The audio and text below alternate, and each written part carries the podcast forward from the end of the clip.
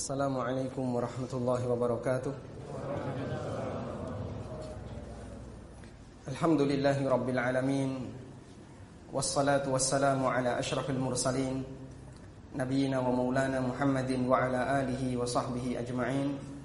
وأشهد أن لا إله إلا الله وحده لا شريك له وأشهد أن محمدا عبده ورسوله صلوات ربي وسلام عليه وعلى آله وأصحابه.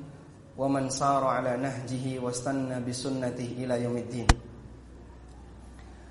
Yang kami hormati Mudir Stai Ali bin Abi Talib Semoga Allah subhanahu wa ta'ala menjaga beliau Hafidhahullah wa ra'ah Yang kami hormati pula Ketua Takmir Masjid Darul Hijrah Semoga Allah subhanahu wa ta'ala Memberikan keberkahan setiap langkah beliau Dalam memakmurkan masjid ini Serta para asatidah Al-Fudala Yang turut menyertai kita bersama dalam belajar di kesempatan petang hari ini. Semoga Allah Subhanahu wa taala memberikan keberkahan dari majelis kita. Dan Bapak Ibu para jamaah yang dimakan Allah Subhanahu wa taala. Syukur alhamdulillah kita haturkan kehadirat Allah di kesempatan kali ini kita bisa belajar bersama dan saya tidak lebih berhak untuk duduk di sini dibandingkan para asatidah yang lainnya selain karena sebuah tugas yang harus diselesaikan di malam ini. Sampai jam berapa? Eh? Sampai jam setengah delapan ya? Atau jam tujuh? Jadi saya mohon maaf barangkali ada hal yang tidak berkenan dalam penyampaian yang nanti akan akan kita sampaikan. Mohon maaf ini sedikit grogi sebenarnya.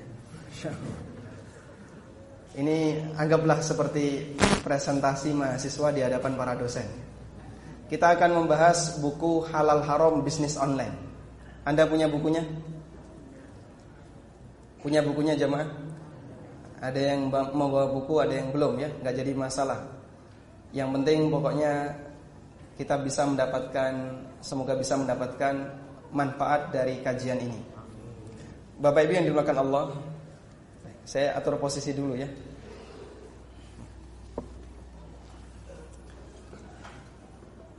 Sebagaimana biasanya nanti kita akan gunakan uh, slide untuk menampilkan penjelasan Semoga lebih memudahkan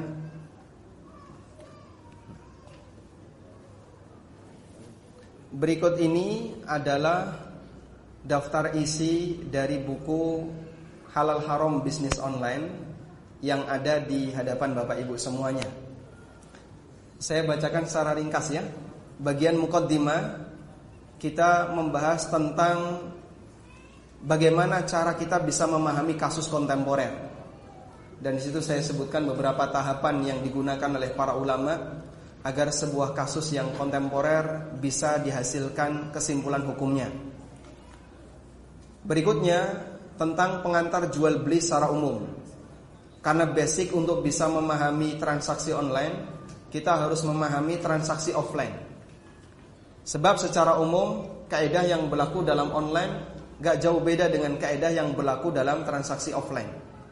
Di situ kita bahas tentang rukun, syarat jual beli, dan seterusnya. Lalu kita beralih kepada masalah takobut. Bagaimana skema serah terima dalam transaksi online. Kemudian kita berpindah kepada kaedah dalam transaksi online. Di buku ini saya sebutkan ada 9 kaedah. Lalu kita beralih kepada pembahasan goror dan jahalah. Apa perbedaan antara goror dengan jahalah? Lalu praktek goror dan jahalah yang ada di zaman Nabi SAW Kemudian kita lihat contoh kasus praktek goror dan jahalah dalam transaksi online. Kemudian sebagai pengantar untuk bisa memahami dropshipping Saya buka materi tentang akad salam. Karena dropshipping itu didekati oleh para ulama dengan sebutan salam hal. Kalau pakai istilah Ustadz Irwandi beliau nyebut dengan salam tunai. Akad salam tapi penyerahan barangnya jangka waktunya pendek. Tidak sebagaimana umumnya akad salam di masa silam. yang bisa sampai setahun dua tahun bahkan kata Ibnu Abbas sampai tiga tahun. Nah salam di tempat kita contohnya adalah praktek dropshipping. Dia nggak punya barang tapi dapat pesanan, lalu dia beralasan saya melakukan akad salam. Konsumen membayar secara tunai, kemudian saya adakan barang itu, selanjutnya saya serahkan kepada konsumen. Nah, apakah akad salam seperti ini sah disebut akad salam? Mukaddimahnya kita belajar akad salam. Baru setelah itu kita membahas tentang dropshipping. Anda akan bisa memahami fikih dropshipping dengan baik kalau paham tentang akad salam. Beralih dari dropshipping, kita pindah ke masalah marketplace. Yang ini umum ada di masyarakat. Pertama, terkait masalah keberadaan ijab kabul dalam akad dan transaksi jual beli, apakah itu masuk syarat ataukah tidak? Khilafun baina Syafi'iyah wal jumhur. Ada perbedaan pendapat antara Syafi'iyah dengan jumhur ulama. Lalu yang kedua, yang sering jadi pertanyaan adalah status status uang yang tersimpan di rekening bersama. Mereka secara umum menggunakan sistem escrow ya. Penjaminan untuk konsumen. Nah, uang yang ada di rekening bersama itu milik siapa? Milik penjual, pembeli, ataukah milik marketplace? Insya Allah akan dibahas di pembahasan di marketplace. Lalu kita membahas tentang beberapa kasus dalam transaksi online. Ada asuransi, ada kode unik, ada gratis ongkir dan seterusnya. Setelah itu kita beralih kepada uang digital, digital currency dan tadi ini sudah kita bahas di kajian uh, Masjid Jami' Maki ya, di oh, Masjid Jami' Mekah di Bendul Mirisi. Kemudian kita beralih ke halal haram cari uang di dunia maya. Ada AdSense, AdMob, ada cost per acquisition, kemudian bisnis afiliasi, jual beli domain termasuk just tip. Kemarin ada pertanyaan tentang just tip. Saya janjikan insya Allah akan dibahas di bedah buku halal haram bisnis online. Termasuk juga masalah giveaway, youtuber, vlogger, trading saham, dan masalah forex. Dan bagian terakhir adalah jual beli akun di medsos. Paling ujung dari buku ini, ini tulisan bukan milik saya ya. Ini tulisan dari Pak Supandiar, beliau seorang advokat, lalu menyumbangkan tulisan ke saya dan kemudian saya lampirkan di buku Halal Haram Bis Online terkait regulasi aspek regulasi aspek jual beli online dan prakteknya. Baik, Anda mau bahas yang mana? Eh? Semua? Semua ya? Baik, kalau semua saya bacakan daftar isinya insya Allah selesai jam 8 Tayyip Terlebih dahulu kita akan berikan sedikit mukaddimah dalam memahami transaksi online. Sekali lagi para asatidah barangkali nanti ada yang salah langsung angkat tangan interupsi biar kita bisa luruskan gitu. Ustaz Abdurrahman Beliau sekarang sedang mengambil S2 ya, di ekonomi syariah sehingga mungkin ilmunya lebih segar dibandingkan saya. Nah, kita akan bahas tentang mukaddimah. Mukaddimah seputar transaksi online. Seperti yang kita tahu, ini termasuk di antara masalah kontemporer. Sehingga tidak kita jumpai dalam kajian yang dibahas oleh kitab-kitab klasik. Kita tidak jumpai dalam Al-Bukhni seperti apakah jual beli marketplace di kitabnya Ibnu Qudama karena mereka belum pernah mempraktekkan seperti itu. Dan pendekatan yang bisa kita lakukan adalah dengan melihat tulisan paper fatwa yang disampaikan oleh para ulama belakangan, para ulama kontemporer terkait praktek yang ada di masyarakat sekarang. Baik, jamaah dimakan Allah Subhanahu wa taala ada sebuah mukaddimah begini. Dalil itu terbatas. Setuju tidak? Dalil terbatas setuju nggak? Kayaknya ragu jawabnya. Dalil terbatas setuju atau tidak? Tidak. Berarti nggak terbatas. Setuju ya? Dalil itu terbatas. Setuju nggak? Setuju. Dibatasi oleh apa jemaah? Dalil terbatas dibatasi oleh apa? Wafatnya Nabi Sallallahu Alaihi Wasallam. Karena setelah beliau wafat, nggak ada lagi wahyu yang yang turun, kecuali kalau bagi orang Syiah. ada wahyu terusan. Sebagaimana ada pensiunan terusan ya. Sehingga kalau bagi mereka ada wahyu yang turun diteruskan oleh Fatimah atau oleh Ali bin Abi Thalib dan keyakinan ini jelas menyimpang. Dalil terbatas. Sementara kasus terbatas atau tidak? Tidak. Setiap zaman selalu ada kasus yang baru dan terus seperti itu. Selalu ada kasus baru, kasus baru dan seterusnya. Barangkali kita tidak pernah berpikir kalau nanti akan ada mungkin sekitar tahun 90-an ya. Kita nggak pernah kepikiran kalau akan ada Gojek online seperti ini. Akan ada uang digital, ada transaksi dengan skema marketplace. Kepikiran aja kita enggak. Apalagi sampai mempraktekkan. Belakangan terus muncul dan itu terus berkembang. Setelah marketplace muncul, Semara kemudian ganti fintech, bisnis, finance, teknologi. Di mana orang bisa melakukan crowdfunding dalam rangka untuk melakukan sebuah proyek tertentu, sering disebut dengan equity crowdfunding. Kemudian setelah itu mengembang lagi, ada urun dana dan seterusnya. Dan itu nggak bakalan berhenti jamaah. Selalu ada yang baru, ada yang baru, ada yang baru, gitu ya. Nah, yang jadi pertanyaan begini, bagaimana dalil yang terbatas bisa menjawab kasus yang tidak terbatas? Ada dua pendapat manusia di sini. Al-qaulul awal, pendapat yang pertama, mereka mengatakan dengan sebab ini karena kasus itu tidak terbatas, sementara dalil terbatas, maka dalil sudah tidak relevan dengan kehidupan zaman. Karena itu manusia harus melakukan perubahan terhadap dalil. Akhirnya dia singkirkan Al-Quran dan Sunnah dan lebih kembali kepada logika manusia. Kita tidak setuju dengan pendapat ini dan orang-orang seperti ini tergabung dalam Islam liberal. Mereka sering mengkritik Al-Quran, mengkritik Sunnah Nabi Sallallahu Alaihi Wasallam dengan alasan itu kan turun 14 abad silam, sehingga sudah tidak lagi relevan di zaman sekarang. Ada sebuah disertasi yang dikasih mukaddimah oleh mantan rektor UIN Jakarta. Disertasi itu judulnya menggugat otoritas hadis Bukhari Muslim. Pakai Muslim nggak? Kayaknya nggak pakai Muslim. Menggugat otoritas hadis Bukhari. Jadi dia bahas, dia kumpulkan hadis-hadis yang secara logika aneh. Contohnya lalat hinggap di minuman, terus kita disuruh apa pak? Kalau mau diminum, celupkan dulu ya karena satu sayapnya ada penyakit, yang satu ada penawarnya. Termasuk juga mencuci tujuh kali untuk wadah yang berisi air di jilat anjing. Anjing minum di situ, maka kalau wadahnya mau dimanfaatkan cuci tujuh kali. Dan beberapa hadis yang semisal. Yang itu ada dalam Sahih Bukhari.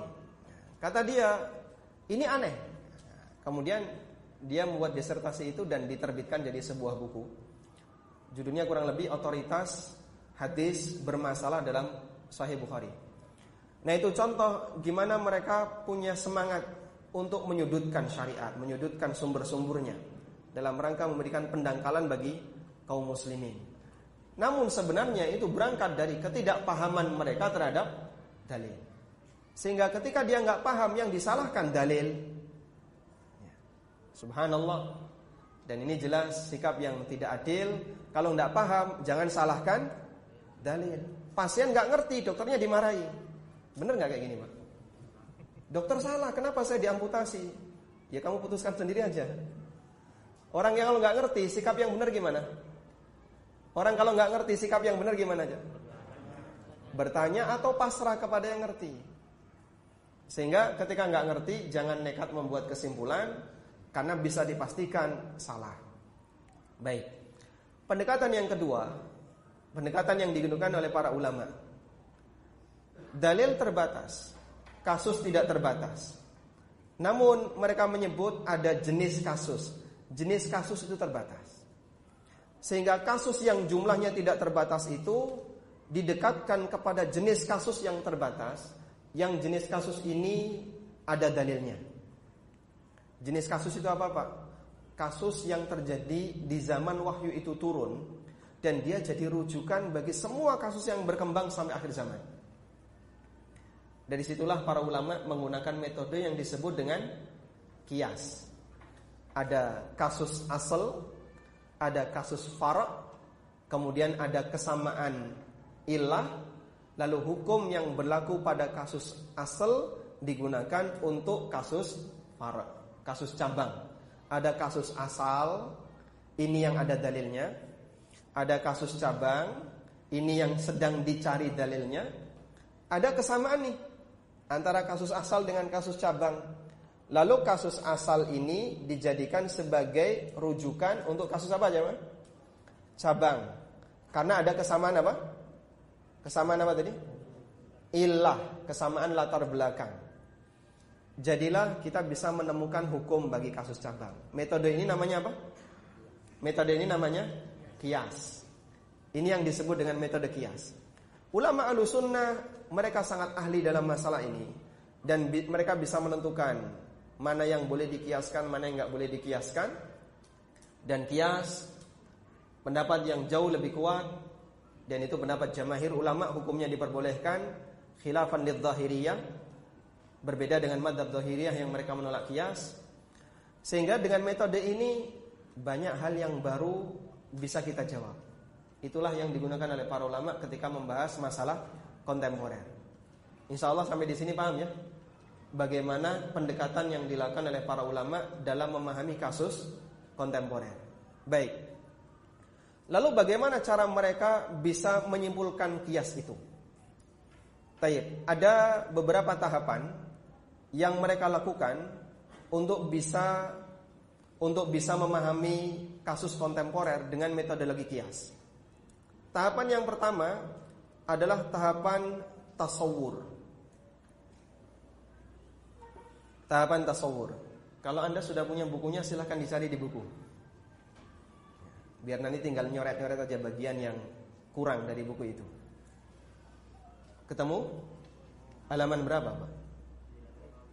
Halaman 9 Romawi di bagian mukaddimah. Tasawur itu apa sih, Pak? Memahami kasus sesuai dengan kondisi real di lapangan. Sehingga yang dibutuhkan dalam tasawur itu apa, jemaah? data. Yang dibutuhkan dalam tasawur itu data. Orang mau membahas sebuah kasus transaksi yang terbaru di masa sekarang. Kalau dia ingin membahas kasus ini, maka yang dia butuhkan adalah data tentang transaksi itu. Makanya bisa jadi ketika ada seorang asatidah yang ditanya tentang Pak Ustadz apa hukum menggunakan GoPay atau OVO atau apa hukum menggunakan etol praktisi kan lebih ngerti ya. Anda yang berpraktek langsung lebih paham. Ustadz balik tanya, lah terus skemanya kayak gimana? Gak ngerti Ustadz, pokoknya yang kayak gitu. Ya afwan kak akhi kalau begitu Ustadz nggak bisa jawab. Anda kalau nggak bisa memberikan data, ya mohon maaf Ustadznya bukan praktisi. Sehingga bisa jadi yang bersangkutan tidak ngerti tentang praktek yang ada. Makanya antum kalau tanya tentang sebuah kasus, satu wajib jujur. Dua, ceritakan dengan jelas. Jangan ada yang ditutupi.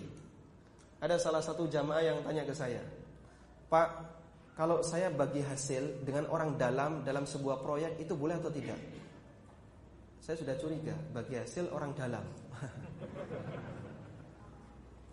saya curiga ini. Saya tanya, "Ini proyek di instansi apa?" Nah, terus dia ngaku di lembaga salah satu lembaga pemerintah. Sudah, saya sebut sogok itu kalau gitu. Tapi kan bagi hasil, katanya bagi hasil boleh. Masya Allah, istilah istilahnya bagus lah. Bagi hasil. Maksud dia sebenarnya pengen mendapatkan penjelasan. Kalau secara syar'i bagi hasil kan boleh ya. Biar dia dapat dukungan. Cuman dia nggak jujur. Sehingga ketika dia nyebut orang dalam, oh ini pasti proyek pemerintah. Lalu saya katakan di instansi mana? Ngaku dia. Kalau kayak gini statusnya sogok. Dan sogok ya Anda tahu sendiri, jangan bicara masalah hukum syariat. KPK aja melarang. Itu kriminal. Tayyib. Makanya kalau menyampaikan sesuatu tolong jujur. Kadang orang kalau nggak jujur jadinya Ustadz memberikan sebuah jawaban yang salah karena tasawur yang salah. Yang kedua harus jelas jamaah. Kalau nggak jelas, bisa jadi jawabannya juga keliru. Karena itu ada kaidah al-hukmu far'un an tasawwuri. Hukum itu turunan dari tasawur. Salah paham dalam tasawur pasti salah dalam menetapkan hukum. Bisa pakai masker ya? Indah aku masker? Tidak ada, ya. kasih masker ada. Yang punya masker bisa disumbangkan. Ya. Tayyib, kita lanjutkan. Salah paham dalam tasawur maka bisa salah dalam menetapkan hukum. Ada permisalan begini ya. Ada satu permisalan. Cukup, cukup Pak, sudah. Ada satu permisalan ya. Seorang ustadz yang beliau hari-harinya hanya menekuni kitab dan laptop ya, beliau menulis. Suatu ketika ditanya, "Pak Ustadz, jualan hotdog itu boleh atau tidak?" Buka kamus beliau.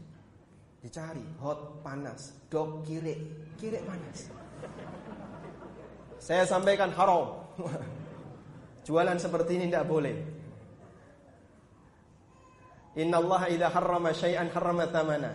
Allah kalau mengharamkan sesuatu, Allah haramkan hasil transaksinya. Gak boleh kayak gini. Wah ini ustadz yang salah apa? Tasawur. Ya. Ada orang yang diajak, Mas kita jalan-jalan yuk cari rondo royal. Masya Allah, kue apa?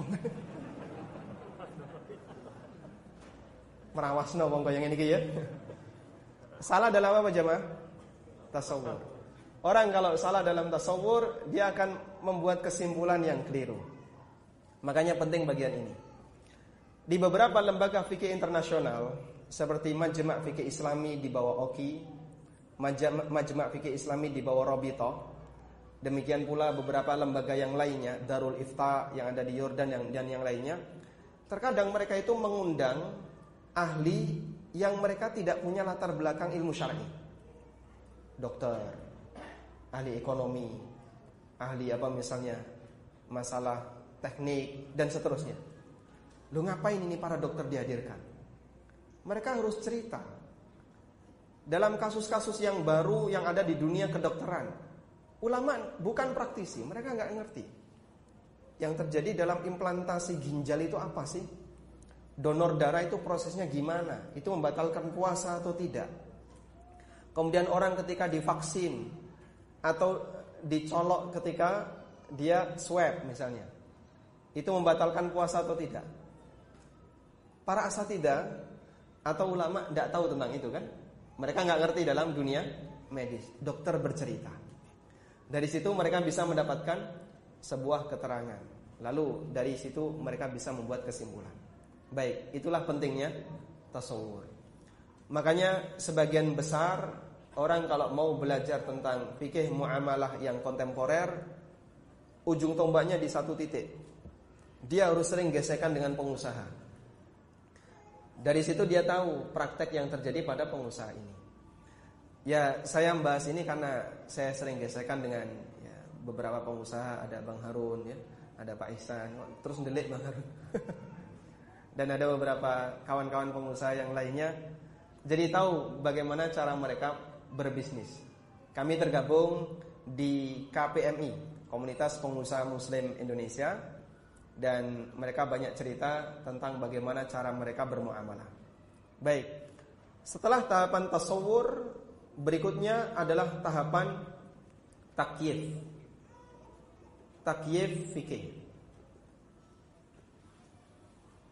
Di tahapan takyif fikih kita akan menggunakan pendekatan pendekatan fikih dalam memahami kasus. Pendekatan fikih dalam memahami kasus. Ja'al Isya Adzan dulu Ustaz ya. Nah. Baik kita dengarkan adzan dulu baru kita lanjutkan insyaallah. Sallallahu ala nabiyyina Muhammadin wa ala alihi wa sahbihi.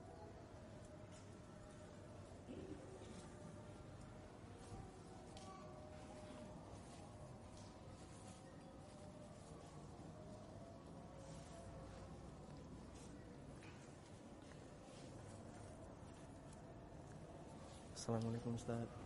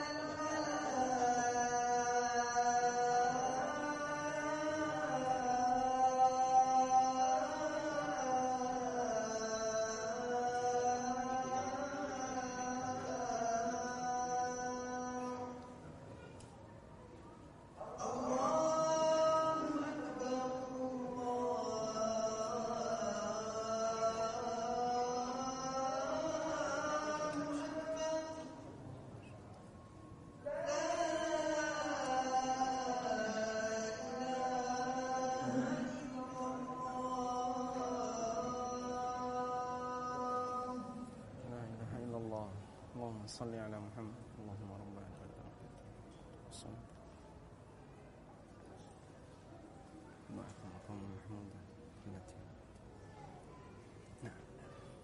Alhamdulillah wassalatu wassalamu ala Rasulillah wa ala alihi wa sahbihi wa mawala. Kita lanjutkan. Kita sampai pada tahapan yang kedua yang disebut dengan takyif fikih. Pendekatan fiqhiyah dalam memahami sebuah kasus. Jamaah yang dimakan Allah namanya pendekatan itu bisa jadi dari sudut pandang yang berbeda. Sehingga terkadang perbedaan sudut pandang itu menghasilkan perbedaan hasil. Karena itulah para asatidah terkadang memandang ini dari sudut pandang kanan hasilnya seperti ini, dari sudut pandang kiri hasilnya seperti ini.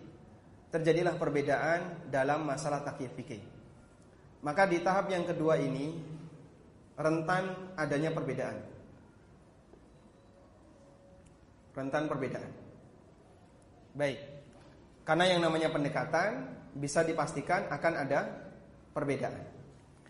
Seperti misalnya dalam kasus kemarin ya Atau tadi pagi kita berbicara tentang cryptocurrency Ada beberapa perbedaan Ada yang memandang bahwasanya kripto itu termasuk uang Sehingga ketika ada orang yang beli bitcoin Maka hakikatnya dia sedang melakukan transaksi Transaksi apa? Eh?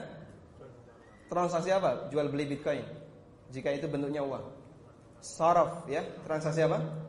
saraf, tukar menukar uang dengan uang. Dan ada yang memandang itu bukan uang karena tidak memenuhi syarat sebagai uang. Terus sebagai apa? Ada yang menyebut itu adalah instrumen investasi namun penuh dengan goror. Sehingga berdasarkan pendekatan yang kedua ini, maka menyimpan uang dalam bentuk Bitcoin hukumnya terlarang. Karena nilai gorornya sangat dominan. Tayyib. Itu terjadi karena masalah perbedaan apa jemaah? Takyif fikih. Perbedaan di takyif fikih. Emani juga seperti itu. Dulu awal Emani itu muncul di Jakarta kan dimotivasi ya untuk penggunaan kartu GTO ya. Waktu itu masyarakat masih sering menggunakan tunai. Sampai pemerintah menetapkan adanya diskon. Siapa yang pakai GTO dapat 10% diskon dalam rangka untuk bisa menarik mereka agar menggunakan GTO. Nah, waktu itu muncul banyak pertanyaan, ini boleh atau tidak diskon kayak gini? Asal tidak berbeda pendapat. Ada yang mendekati bahwasanya emani itu akadnya qard, utang sehingga diskon haram, masuk riba, dan ada yang mendekati itu akadnya sarf sehingga diskon ini hukumnya diperbolehkan. Ada perbedaan karena masalah takyif fikih yang berbeda. Karena itu di buku saya lengkapi dengan tahapan yang ketiga. Ini istilah pribadi ya. Saya sebut dengan sebutan takhrij fikih. Ya meskipun ini tidak baku, Ustaz. Barangkali Ustaz lebih paham ya. Kalau bakunya dalam takhrij fikih di kajian tentang fikih madhab itu kan uh, mengkiaskan satu kasus yang tidak pernah dinyatakan oleh imam madhab dengan menggunakan perkataan imam madhab di kasus yang lain. Karena ada kemiripan dilakukanlah takhrij fikih. Imam Syafi'i tidak pernah mengatakan dalam masalah ini. Tapi masalah ini mirip dengan masalah A yang pernah dibahas oleh Imam Syafi'i. Lalu disamakan. Ini metode takhrij fikih secara baku. Nah, tapi saya gunakan istilah ini untuk menyebut bahwasanya takhrij fikih itu adalah mencari pendekatan mana yang lebih mendekati kepada kebenaran takyif fikih mana yang lebih mendekati kepada kebenaran. Bahasa kita ini uji teori. Ini seperti uji teori. Menyampaikan takyif itu kan menyampaikan teori. Sekarang coba kita uji teori. Semakin bertahan, maka berarti teori itu semakin mendekati kebenaran. Namun semakin geser, berarti teori itu tidak sesuai dengan kebenaran. Nah itu dengan cara dibenturkan pada kasus real. Kalau Anda bisa membenturkan dengan kasus real, kemudian Anda tahu, oh berarti ini lebih sesuai. Insya Allah itulah yang lebih sesuai dengan kebenaran. Sehingga hasil dari takhrij adalah takrir hukum. Takrir hukum menetapkan hasil dari kajian kasus tersebut apakah masuk dalam hal yang mubah ataukah bermasalah kalau mubah syaratnya apa, kalau bermasalah dari sisi mana masalahnya. Itu disebutkan dalam keputusan eh, kesimpulan terakhir di takrir hukum. Baik, empat ini jamaah tahapan yang perlu dilakukan oleh para asatidah dalam membahas kasus kontemporer. Kalau anda bertanya dan anda kesusu pengen jawaban, mesakno ustaz, gitu ya. Ustaz urgent Ustaz, saya tunggu Ustaz, tak telepon boleh enggak? Padahal beliau kalau mau bahas itu tahapannya empat ini. Sehingga kalau beliau belum ngerti ya nanti dulu tunggu, tolong bersabar. Cuman kadang jamaahnya pengen segera dapat jawaban. Kadang ada yang kemudian cuma ngasih link ya. Ustaz, link seperti ini hukumnya bagaimana? Cuman dikasih link saja, usinya suruh mempelajari. Berarti ada satu tahapan lagi sebelumnya, yaitu tahapan download dulu. Subhanallah, masya Allah ya. Padahal dia nggak pernah nyanguni data, pak ya. Tayyib. Sekarang kita coba gunakan metode ini untuk membahas salah satu kasus di transaksi online. Anda mau bahas yang mana? Marketplace, dropshipping, just tip. Hmm? Yang mana jemaah? Just tip ya, yang just tip. Baik, coba kita bahas just tip.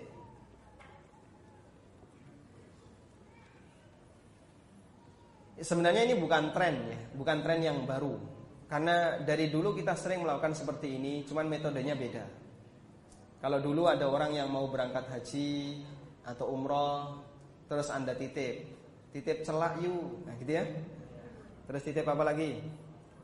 Titip zam-zam. Kalau zam-zam nggak beli ya. Yang beli biasanya titip uh, atau titip tasbih atau yang lainnya. Baik. Tosbeh apa tasbih? Tosbeh ya, satu kabeh. Satu lingkaran itu isinya 100 biji. Dan itu adalah praktek just tip di masa silam. Kemudian di masa sekarang ini dijadikan sebagai salah satu bisnis. Orang berada di luar negeri. Lalu dia share di grup. Saya sekarang ada di Jepang atau ada di Eropa. Ini ada benda-benda antik, titip enggak? Kayak gitu ya. Terus ada yang pada titip, saya butuh ini, butuh ini, butuh ini. Sehingga jadi salah satu peluang bisnis.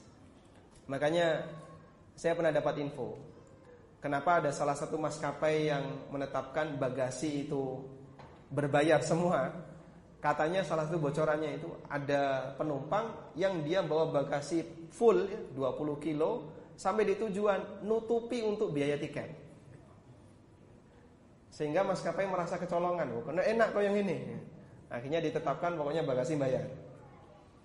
Baik. Terlepas dari itu sekarang kita lihat just tip seperti apa. Tahap pertama apa jemaah? Tahap pertama apa? Tasawur ya. Tahap pertama tasawur. Antum lebih paham. Sehingga kita nggak perlu cerita detail. Kira-kira just tip itu ada berapa skema? Ada dua ya kurang lebih ya. Satu bayar langsung, dua ditalangi sama yang yang dititipi, gitu ya. Kalau nggak bayar langsung ditalangi, betul kayak gini? Ya, dua ini ya. Baik, sekarang kita akan lihat ya. Jadi hasil tasawur kita mendapatkan dua keadaan uh, uang untuk belanja itu ada dua, ada yang dibayar di depan, yang kedua apa? ditalangi. Begini ya. Ditalangi oleh yang dititipi. Baik. Uang dibayar di depan. Uang dibayar di depan. Sehingga orang titip, tolong titip nanti belikan apa misalnya? Belikan uh, eh, HP atau laptop di Jepang. Anda langsung bayar. Berapa sih nilainya? Sekian yen. Sudah lihat di Amazon atau toko online di sana ya, Rakuten misalnya. Ketemu harga sekian yen, dikonversi. Oh, jadi sekian rupiah. Uang dibayar di depan, di sini harga plus fee. Harga plus fee. Gini ya. Baik. Kira-kira kalau kasusnya seperti ini lebih dekat ke mana jemaah? Salam. Ya? Salam. Salam pakai fee? Ini lebih dekat kepada transaksi jasa. Jadi tolong belikan ini uangnya dan sebagai gantinya kamu saya kasih jasa sekian. Sehingga ini kalau boleh kita sebut akadnya adalah wakalah bil ujroh. Baik, ini takyif satu. Nah, ini takyif satu. Oh enggak, bagi saya itu bukan wakalah bil ujroh, itu jual beli salam. Nah, saya jadikan usulan bapak takyif fikih dua. Masya Allah. Ini takyif dua. Baik. Ada khilaf ya di antara para jamaah. Khilafun bainal jamaah. Yang satu mengatakan ini wakalah bil ujroh. Yang satu mengatakan ini salam. Melihat dari mana? Dari ini tadi tasawurnya. Saya lebih mendekat memandang ini salam pak. Saya lebih memandang ini wakalah. Baik. Lalu Anda melakukan takhrij. Sekarang coba didekatkan kepada kondisi real. Salam itu, salam itu, salam itu apa? Jual beli di mana pembayarannya dilakukan secara tunai dan hak trader salam apa jemaah? Trader salam punya hak apa? Margin. Dia punya hak margin, keuntungan. Dan keuntungan itu tidak disebutkan di depan. Tapi dia langsung nyebut, pokoknya harganya sekian ya. Langsung dia nyebut harganya sekian dan dibayar tunai di depan. Nah itu ciri salam. Baik, tolong saya belikan laptop ya. Nanti uh, harganya berapa, saya bayar di depan. Nah, kemudian dihitung dia, dihitung, dicari-cari datanya. Baik Pak, harganya 5 juta. Bayar tunai sekarang. Bayar tunai sekarang. Berangkat dia ke Jepang, bawa duit itu. Dan dalam salam di situ ada syaratnya. Rasulullah SAW bersabda, "Man aslafa falyuslif fi kailin ma'lum waznin ma'lum wa waqtin ma'lum." Hadis riwayat Bukhari. Siapa yang melakukan akad salam, maka timbangannya jelas, takarannya juga harus jelas dan waktunya jelas. Kalau laptop ditimbang enggak? Enggak. Boleh enggak jadi objek salam? Boleh, yang penting jelas speknya. Spesifikasinya harus jelas. Insya Allah speknya jelas.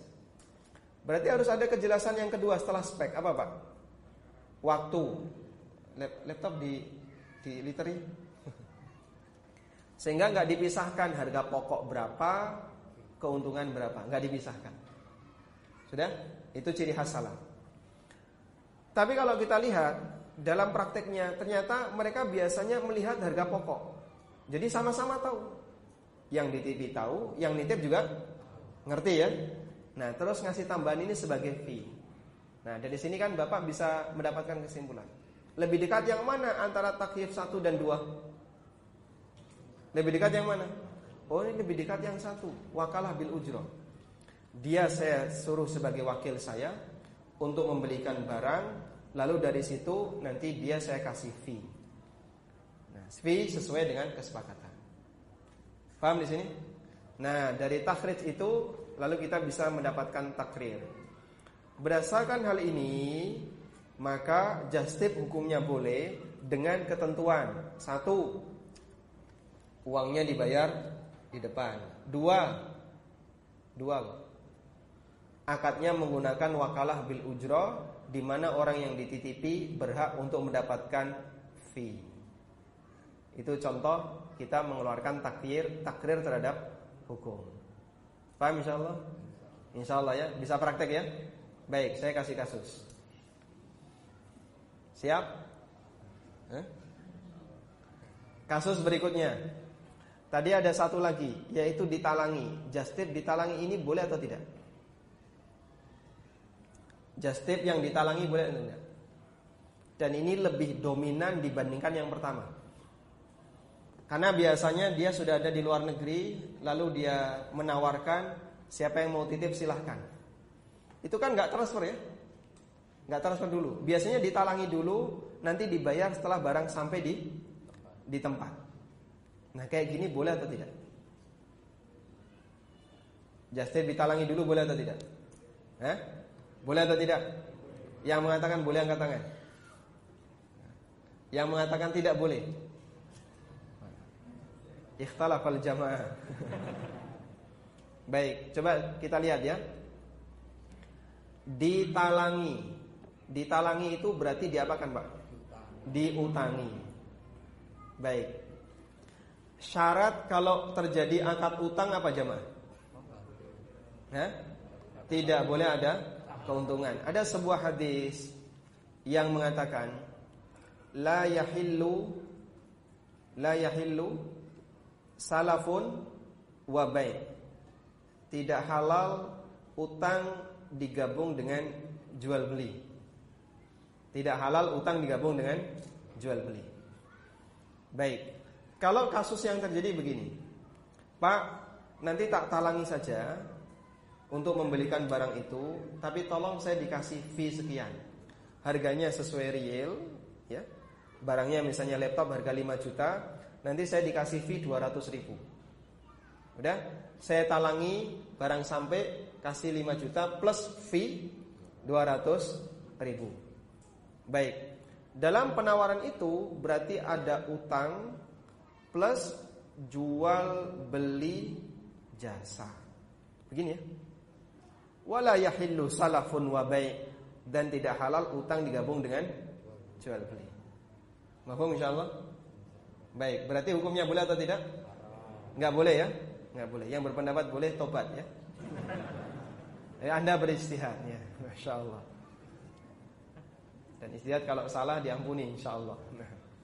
Baik. Kita kembali ke sini. Terus kan kita kalau bicara haram ya, bicara dilarang. Dan ini beban moral bagi para asatidah kalau membahas masalah fikih muamalah. Berani mengatakan dilarang, kasih solusi. Nah, gitu. Lalu apa solusinya? Enak saja bilang dilarang, dilarang. Itu sakit hati yang bertanya ya. Betul nggak Pak? Ya? Pak Ustadz saya bekerja di sini, resign sekarang. Itu saya yakin di rumah mungkin dia nangis sama istrinya ya. Nah, kasih solusi sebagai bentuk tanggung jawab. Orang ini dilarang untuk melakukan A. Ibnu Abbas mendapatkan pertanyaan dari orang. Saya pekerjaannya gambar. Makhluk bernyawa. Padahal makhluk bernyawa Nabi SAW perintahkan apa? Dihapus. Ini malah digambar. Dan ancamannya berat. Akan dihukum oleh Allah di akhirat. Ibnu Abbas ketika melarang, beliau tidak kemudian diam. Solusinya apa coba? Beliau kasih solusi apa? Silakan kau gambar yang tidak bernyawa. Ya, ada pepohonan, ada ya makhluk yang tidak bernyawa banyak. Sehingga ketika beliau melarang sesuatu, Ibnu Abbas memberikan solusi yang lain. Itu sebagai bentuk tanggung jawab moral ya. Terus solusinya gimana? Biar yang kayak gini boleh. Kalau mau uangnya dibayar dengan cara ditransfer. Besok saya belanjakan, tolong kamu transfer dulu. Nah transfer itu tidak harus terus ke Jepang itu nggak harus ya. Bisa ke rekening istrinya yang ada di rumah selama aman ya. Sarannya apa? Selama aman. Ya. Atau dititipkan ke anaknya atau yang lainnya. Orangnya berada di Jepang, uangnya sudah diterima oleh keluarganya. Lapor, B, uang sudah kami terima. Siap 86. Dibelanjakan jamaah. Sehingga bukan lagi utang lagi, sudah nggak ada utang. Itu solusi yang pertama.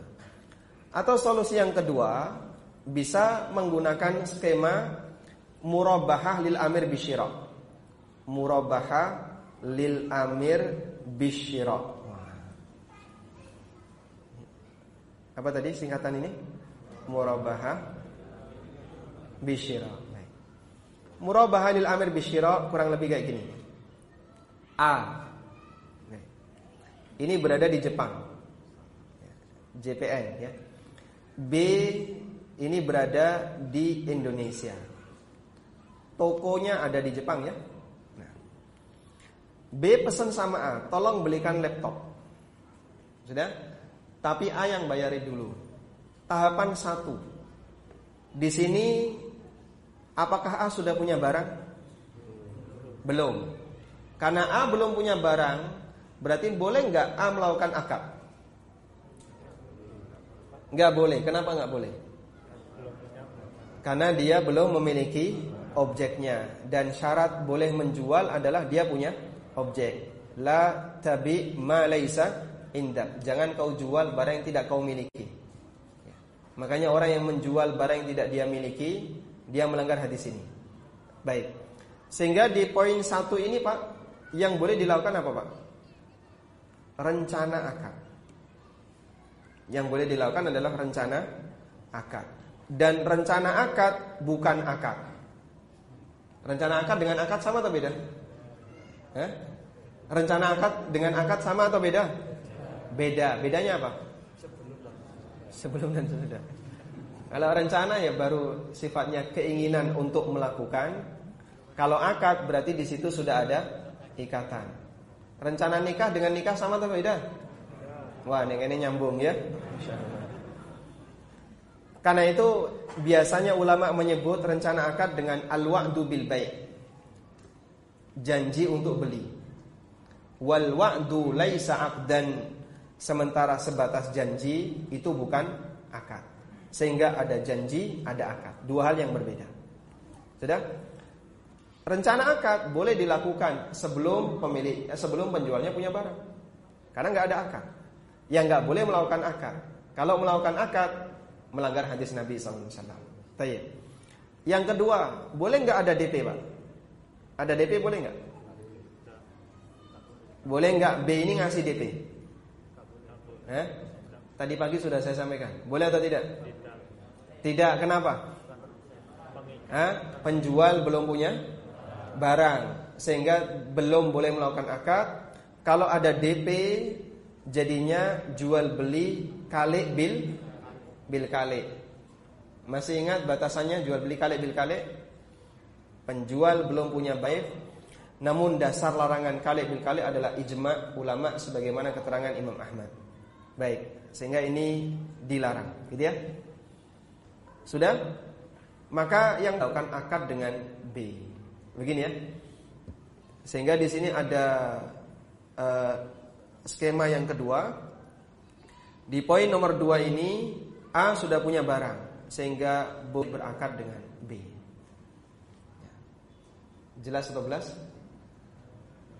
Eh? Belas? Jelas, alhamdulillah. Ini solusi yang insya Allah bisa dilakukan. Jadi ditukok no dise, bar tuku nembeh didol. Nah, gitu ya. Dibelikan dulu, setelah dapat baru dijual. Nah, tadi sebelum punya ngapain, Pak? sifatnya baru penawaran. Rencana belum dilakukan akad. Mahum? Walhamdulillah. Alhamdulillah. Selesai ya?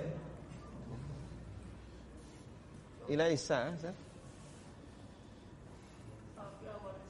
Sabiawanis. Nah.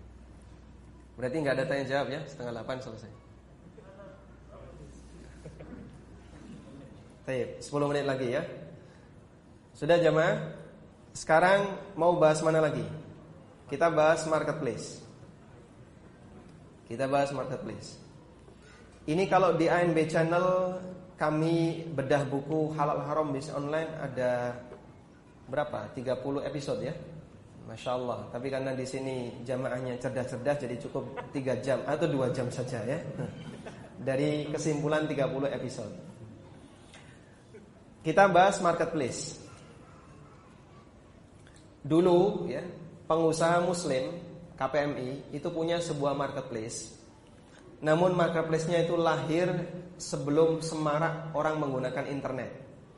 Jadi HP Android seperti ini masih jarang ya.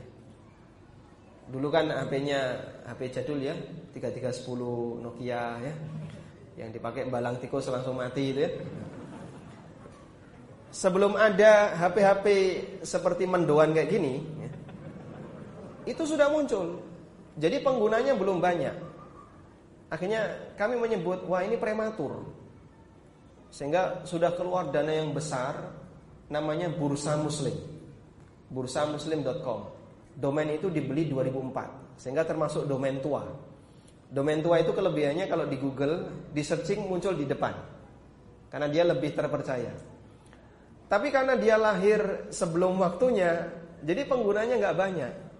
Akhirnya begitu sudah mulai kelelahan dan yang dikeluarkan sudah mulai banyak, semangatnya turun, baru muncul ya, baru muncul kayak marketplace Bukalapak, Tokopedia, OLX, yang sekarang paling ramai Shopee.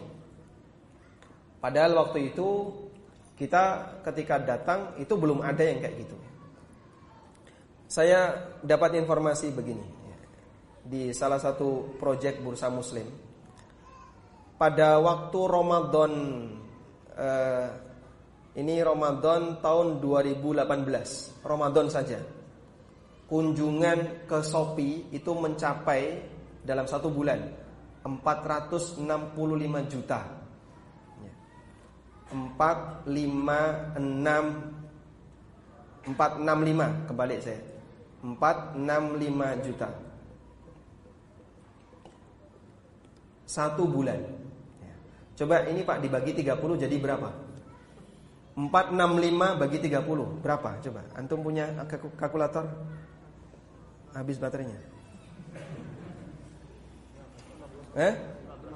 15,5 juta per hari 15,5 juta per hari. Sudah? Coba bayangin jamaah. Andai kan ini kunjungan ya. Kita bicara kunjungan. Bukan belanja. Karena berkunjung belum tentu belanja kan ya. ya seperti ibu-ibu itu kalau sudah rebahan bawa HP yang dibuka ya kayak gini. Loh, tenang tau guyu masalahnya. Yang remaja juga sama. Saya ngetokno duit bapak nih kan. Karena kita itu senang lihat barang. Makanya kalau ada kajian, kemudian ada bazarnya di luar, bubar kajian itu nggak langsung pulang, Pak. Keliling dulu kan ya. Padahal dia nggak belanja. Kita senang lihat barang. Betul, Pak? Ngaku, Pak ya? Nah, betul ya. Cuman lihat kasus di masyarakat ya. Baik. Kunjungannya sekian. Anggaplah misalnya, anggap ya, yang belanja hanya 25 persen. Dari kunjungan itu yang belanja seperempatnya. Jadinya berapa? Bagi 4, 15,5 bagi 4. Ya?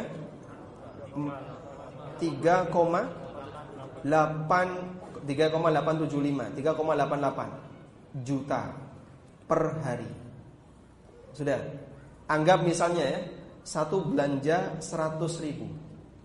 Satu belanja, anggap misalnya kita pakai angka yang kecil aja. Antum kalikan 3,8 juta kalikan 100 ribu Berapa M? Kalkulatornya jangan sampai error ya eh? Berapa? Ya 388 Ini nolnya berapa ini? Ini ribu ini 3 berarti juta plus 03 gitu ya 300,88 M eh? Betul ya? 388 M per hari. Subhanallah ya. Ramadan itu yang belanja kira-kira orang yang beragama apa, Pak? Hindu, Buddha, Yahudi atau Nasrani? Padahal ini Pak, untuk hal yang mubah, belanja saja. Anggaplah misalnya marketplace itu kecipratan dari sini, kecipratan saja ya, atau ketetesan misalnya. Ketetesan 2% saja dari transaksi per hari itu dapat dia. Makanya sebenarnya pasar ini luar biasa ya. Sehingga bermunculan banyak sekali marketplace yang baru dan termasuk uh, terutama perusahaan-perusahaan asing. Mereka berlomba-lomba untuk ini. Potensi umat luar biasa terjadi pengalihan dari pasar tradisional, pasar konven menuju pasar online. Dan akhirnya peluang itu juga diambil oleh pihak ekspedisi. Ini semua rata-rata non muslim, baik yang ada di atas maupun yang ada di bawah. Ya. Saya nggak perlu nyebut merek ya. Baik, sekarang kaum muslimin ada di mana? Hah? Hanya korban, hanya konsumen. Potensi kita besar dan itu semuanya adalah potensi muslim. Andaikan ini masuk sebagai salah satu bagian unit usaha kaum muslimin Alhamdulillah ya termasuk di antara bentuk memanfaatkan potensi umat. Baik. Tapi bursa muslim gak payu, Pak. Bursa muslim gak payu. Dan sekarang masih bertahan ya. Cuman karena kita nggak bisa bakar-bakar duit seperti yang di marketplace yang lain ya.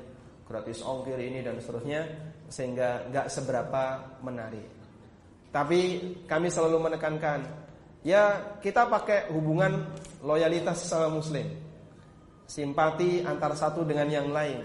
Silahkan belanja, larisi temannya muslim. Semoga dengan itu kita bisa mempertahankan potensi ini, belajar untuk itu agar bisa lebih besar. Baik. Kembali ke sini. Yang bermasalah di marketplace itu apa sih? Satu, ya.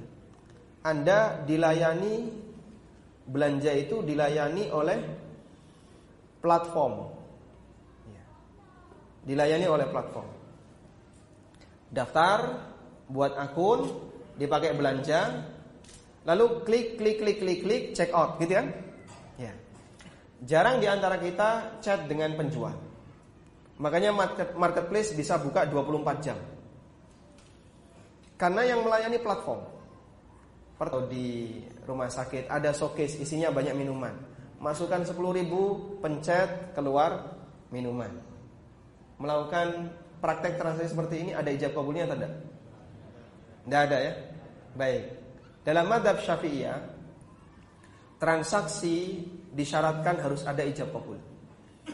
Tanpa ijab kabul, batal. Sudah? Anda madhabnya apa?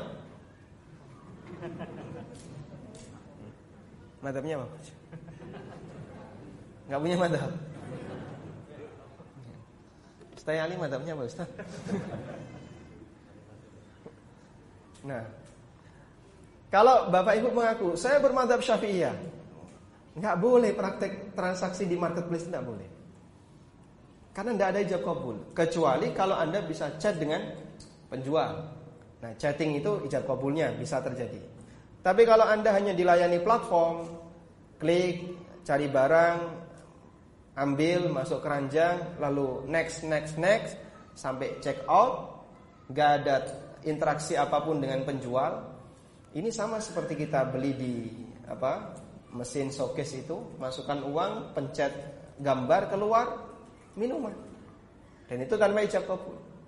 Dalam madhab syafi'iyah seperti ini dilarang. Makanya di dunia ini tidak ada marketplace bermadhab syafi'iyah. Maksudnya duit kafir kok ya. Gak ada ya. Baik. Namun kalau kita menggunakan pendapat jumhur, ya. ini kalau dalam syafi'iyah dilarang, nggak boleh ya. Kalau pakai pendapat jumhur, hukumnya diperbolehkan. Walhamdulillah kebenaran ada di madhab jumhur, insya Allah. Sehingga karena kita menggunakan pendapat jumhur, maka praktek di marketplace hukumnya diperbolehkan. Meskipun ketika sholat subuh kunut. Ya, jadi dia alih mad madhab ya.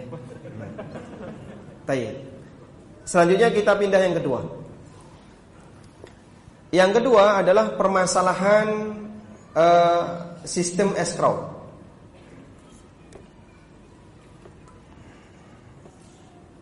Ada yang mengatakan bahwa yang pertama kali menggunakan ini buka lapak. Tapi saya boleh bilang yang pertama kali bursa muslim. Bursa muslim waktu lahir itu bersamaan dengan Rakuten, ada Plaza punyanya Telkom dan beberapa yang lainnya. Kalau Rakuten punya Jepang. Tapi semuanya kolaps. Plaza kan nggak muncul, nggak berkembang. Karena sekali lagi semuanya lahir prematur. Sebelum orang banyak menggunakan gadget, mereka sudah muncul sehingga jarang bertransaksi. Tayyib.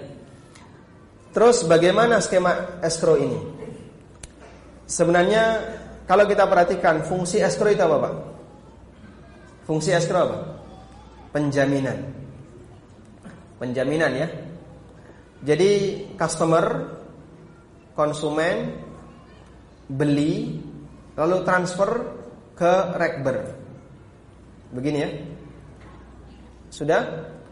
Setelah dia transfer ke rekber, dana itu mengendap di rekber dengan nilai yang tadi sudah kita sebutkan ya. 388 M per hari dengan nilai ini. Ngumpul di rekber. Besok lagi sudah ada 388 M. Besok lagi ada sekian ratus M. Padahal penyerahan ke penjual itu menunggu barang sampai. Jadi kalau tiga hari barang belum sampai, ya berarti antum kalikan tiga yang didapatkan oleh marketplace itu. Ngendap di rekber, masya Allah ya. Duit segede itu pak ya. Hanya dalam waktu sehari. Berarti kalau satu bulan sekian triliun. Baik. Kemudian baru diserahkan ke penjual setelah dia mendapatkan notifikasi barang sam sampai. Gitu ya. Baik. Pertanyaannya. Pertanyaannya. Kalau nggak ada diskon, nggak ada free ongkir dan seterusnya, mungkin nggak ada masalah. Yang jadi masalah orang belanja lalu dikasih fasilitas, misalnya free ongkir. Dikasihlah free ongkir. Pertanyaannya, free ongkir ini riba atau bukan? Riba atau bukan? Baik. Anda taunya ini riba dari mana? Hmm? Baik, free ongkir ini yang dapat manfaat siapa jemaah? Eh? Konsumen ya. Free ongkir diserahkan ke adalah manfaat untuk konsumen. Kalau antum menyebut bahwasannya free ongkir ini riba, berarti konsekuensinya transfer ke rekber itu statusnya memberi utang, gitu ya? Paham di sini? Saya ulang. Kalau antum menyebut free ongkir ini riba, berarti status free ongkir itu adalah fasilitas karena konsumen telah memberikan utang kepada marketplace. Begitu ya? Pernyataan ini benar atau salah? Sekarang kita lihat. Konsumen beli, lalu dia check out. Sudah apa? Konsekuensi orang yang beli apa jamaah? Bayar.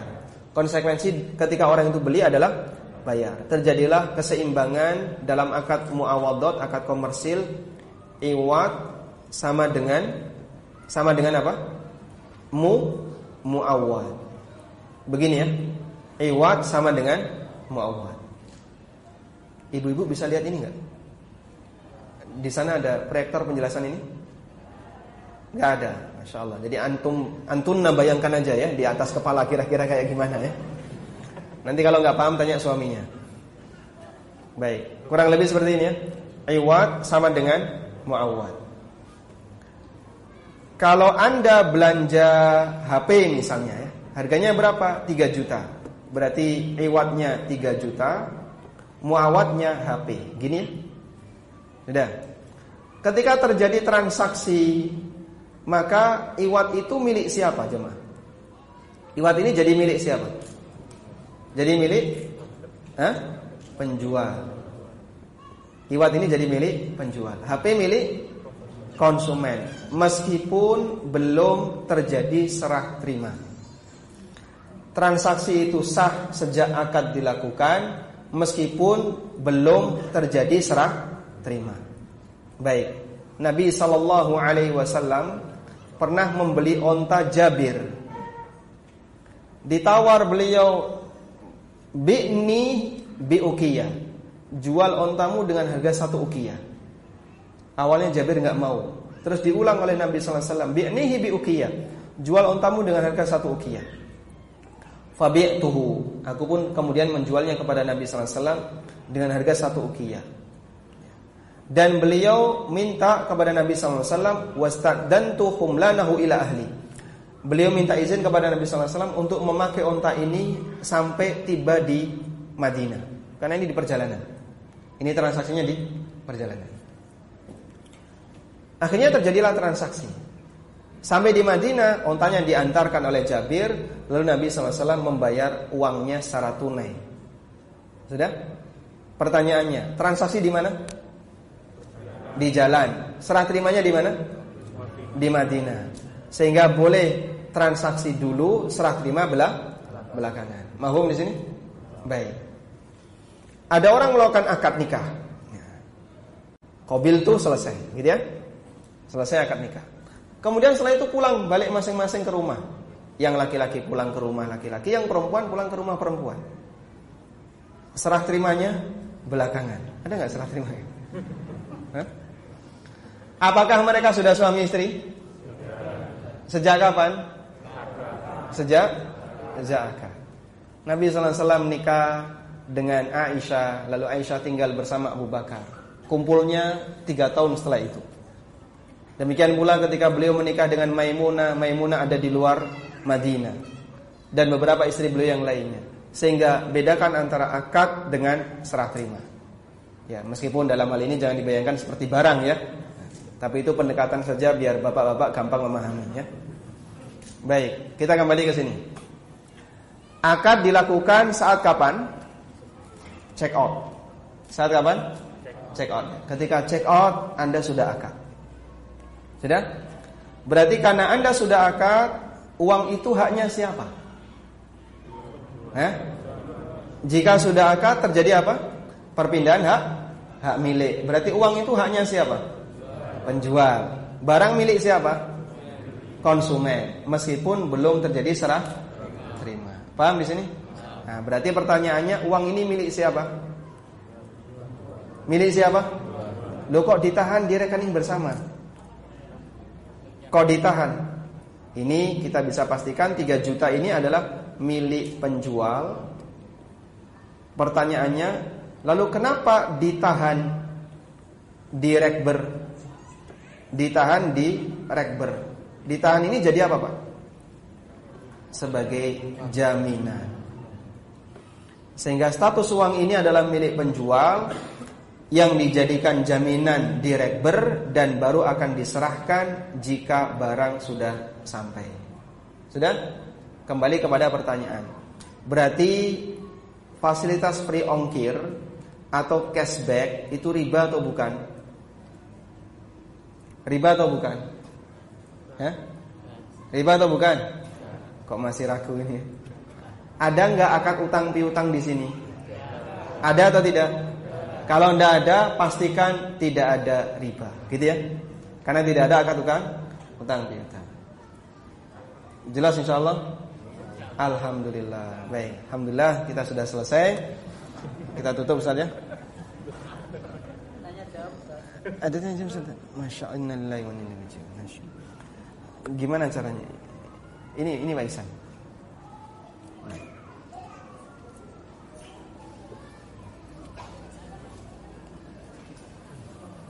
Ini ada beberapa pertanyaan yang sudah masuk melalui WA. Pertanyaan yang pertama. Ada mikrofon? Ini, تفضل اقرأ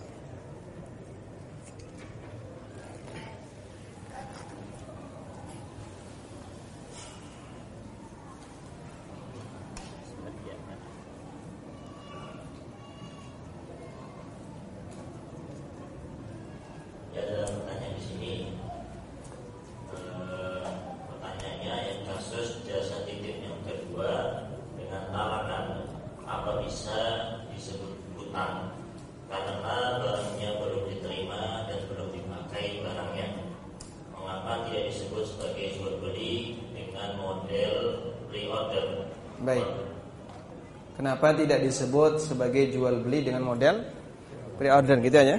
Nah. Kenapa kok disebut utang? Kan konsumennya belum menerima barang itu. Karena status dia sebagai wakil dari dari siapa? Yang titip ya.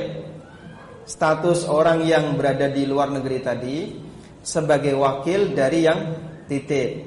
Wal wakilu manzilatul muwakil. Sementara wakil statusnya sebagaimana yang menyuruh. Sehingga kalau saya punya teman di Jakarta, saya telepon, tolong belikan nasi 100 bungkus. Maka kemudian dia melaksanakan itu. Sebenarnya yang beli siapa? Yang beli siapa?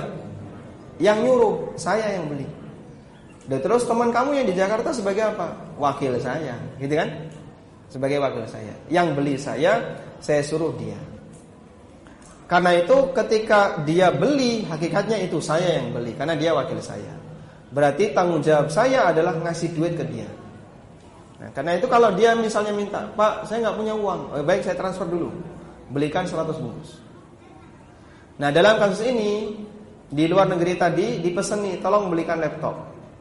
Terus uangnya tak talangi dulu. Berarti dia ngutangi orang yang menyuruh. Ngutangi orang yang mewakilkan. Disitulah ada akad qard. Wallahu a'lam. إيه نعم السؤال إيه تفضل اختر أنا أختار وأنت تفضل اختر أنا أختار نعم تفضل Pertanyaan yang eh, kedua ya, mau tanya untuk Ustaz Abdul Baik, Anda jualan pulsa dan program listrik. anda berniat untuk menjual saldo Shopee Apa hukum menjual saldo Shopee Apa hukum menjual saldo e-money yang sifatnya melekat pada identitas ya? ShopeePay, GoPay, OVO, Dana, dompet, apa ada dompetku ya namanya. Terus uh, ada XL tunai dan seterusnya. Orang berlomba-lomba membuat seperti ini dan sekali lagi itu adalah dalam rangka untuk bisa crowdfunding, menarik dana dari umat sebanyak-banyaknya tanpa harus menjadi bank. Ya. Tadi kita sudah membuat gambaran ya. Kalau anggap saja pengguna GoPay itu cuma satu juta orang Surabaya. Padahal saya yakin lebih. Lalu mereka bertransaksi cuma 10 ribu aja per hari. Berarti sudah 10 M per hari. Hanya dari baru di GoPay saja, belum di OVO, belum di yang lainnya. Nah, kaum muslimin belum punya yang kayak gini. Nah, mungkin nanti ada Stay Pay gitu ya. Diterbitkan oleh Stay Ali ya. Kita lanjutkan. Uh, boleh nggak saya menjual apa saldo GoPay atau saldo Shopee Pay? Pertanyaannya dalam penggunaan seperti ini kalau ada diskon, pendapat yang benar diskon itu masuk riba. Karena top up di GoPay, Shopee Pay dan seterusnya masuk sebagai kategori memberi utang. Sehingga kalau itu sifatnya memberi utang dan dalam penggunaannya pasti ada diskon, ada fasilitas, wala ta'awanu 'alal itsmi wal Kita tidak boleh tolong menolong dalam maksiat. Sehingga mohon untuk tidak menyediakan yang seperti ini. Namun kalau nanti trennya sudah berubah, penggunaan GoPay dengan cash itu sama harganya. Sekarang memang sedang dimotivasi biar orang banyak menggunakan cashless tanpa menggunakan uang tunai. Nanti kalau trennya sudah berubah, semua sudah pakai seperti itu. Harganya jadi seragam semua. Mau tunai maupun tidak tunai harganya sama. Insya Allah boleh dilakukan uh, transaksi jual beli saldo GoPay. Wallahu a'lam. Kemudian pertanyaan yang ketiga ya. Bismillah, apa Ustaz bisa bertanya jika ada jika membuka jasa tip, jasa titip belanja tetapi tidak melebihkan harga belanjaan, tetapi ada ongkir untuk kurir yang mengantar belanjaan, apakah diperbolehkan dan dibayar di tempat oleh orang yang titip jasa Wa jazakumullah khairan. Insyaallah tidak apa-apa. Berarti di situ tidak ada tidak ada utang dan Anda apalagi tidak mengambil margin sehingga murni sebagai wakil untuk tabarruk sifatnya murni sosial ada bantu. Insyaallah Anda mendapatkan pahala karena membantu saudara sama muslim dan hukumnya diperbolehkan. Wallahu a'lam. Alhamdulillah lega saya masyaallah. Baik demikian yang bisa kita sampaikan. Semoga bermanfaat Dan Allah memberikan keberkahan dari apa yang kita pelajari. Wassalamualaikum ala nabiyyina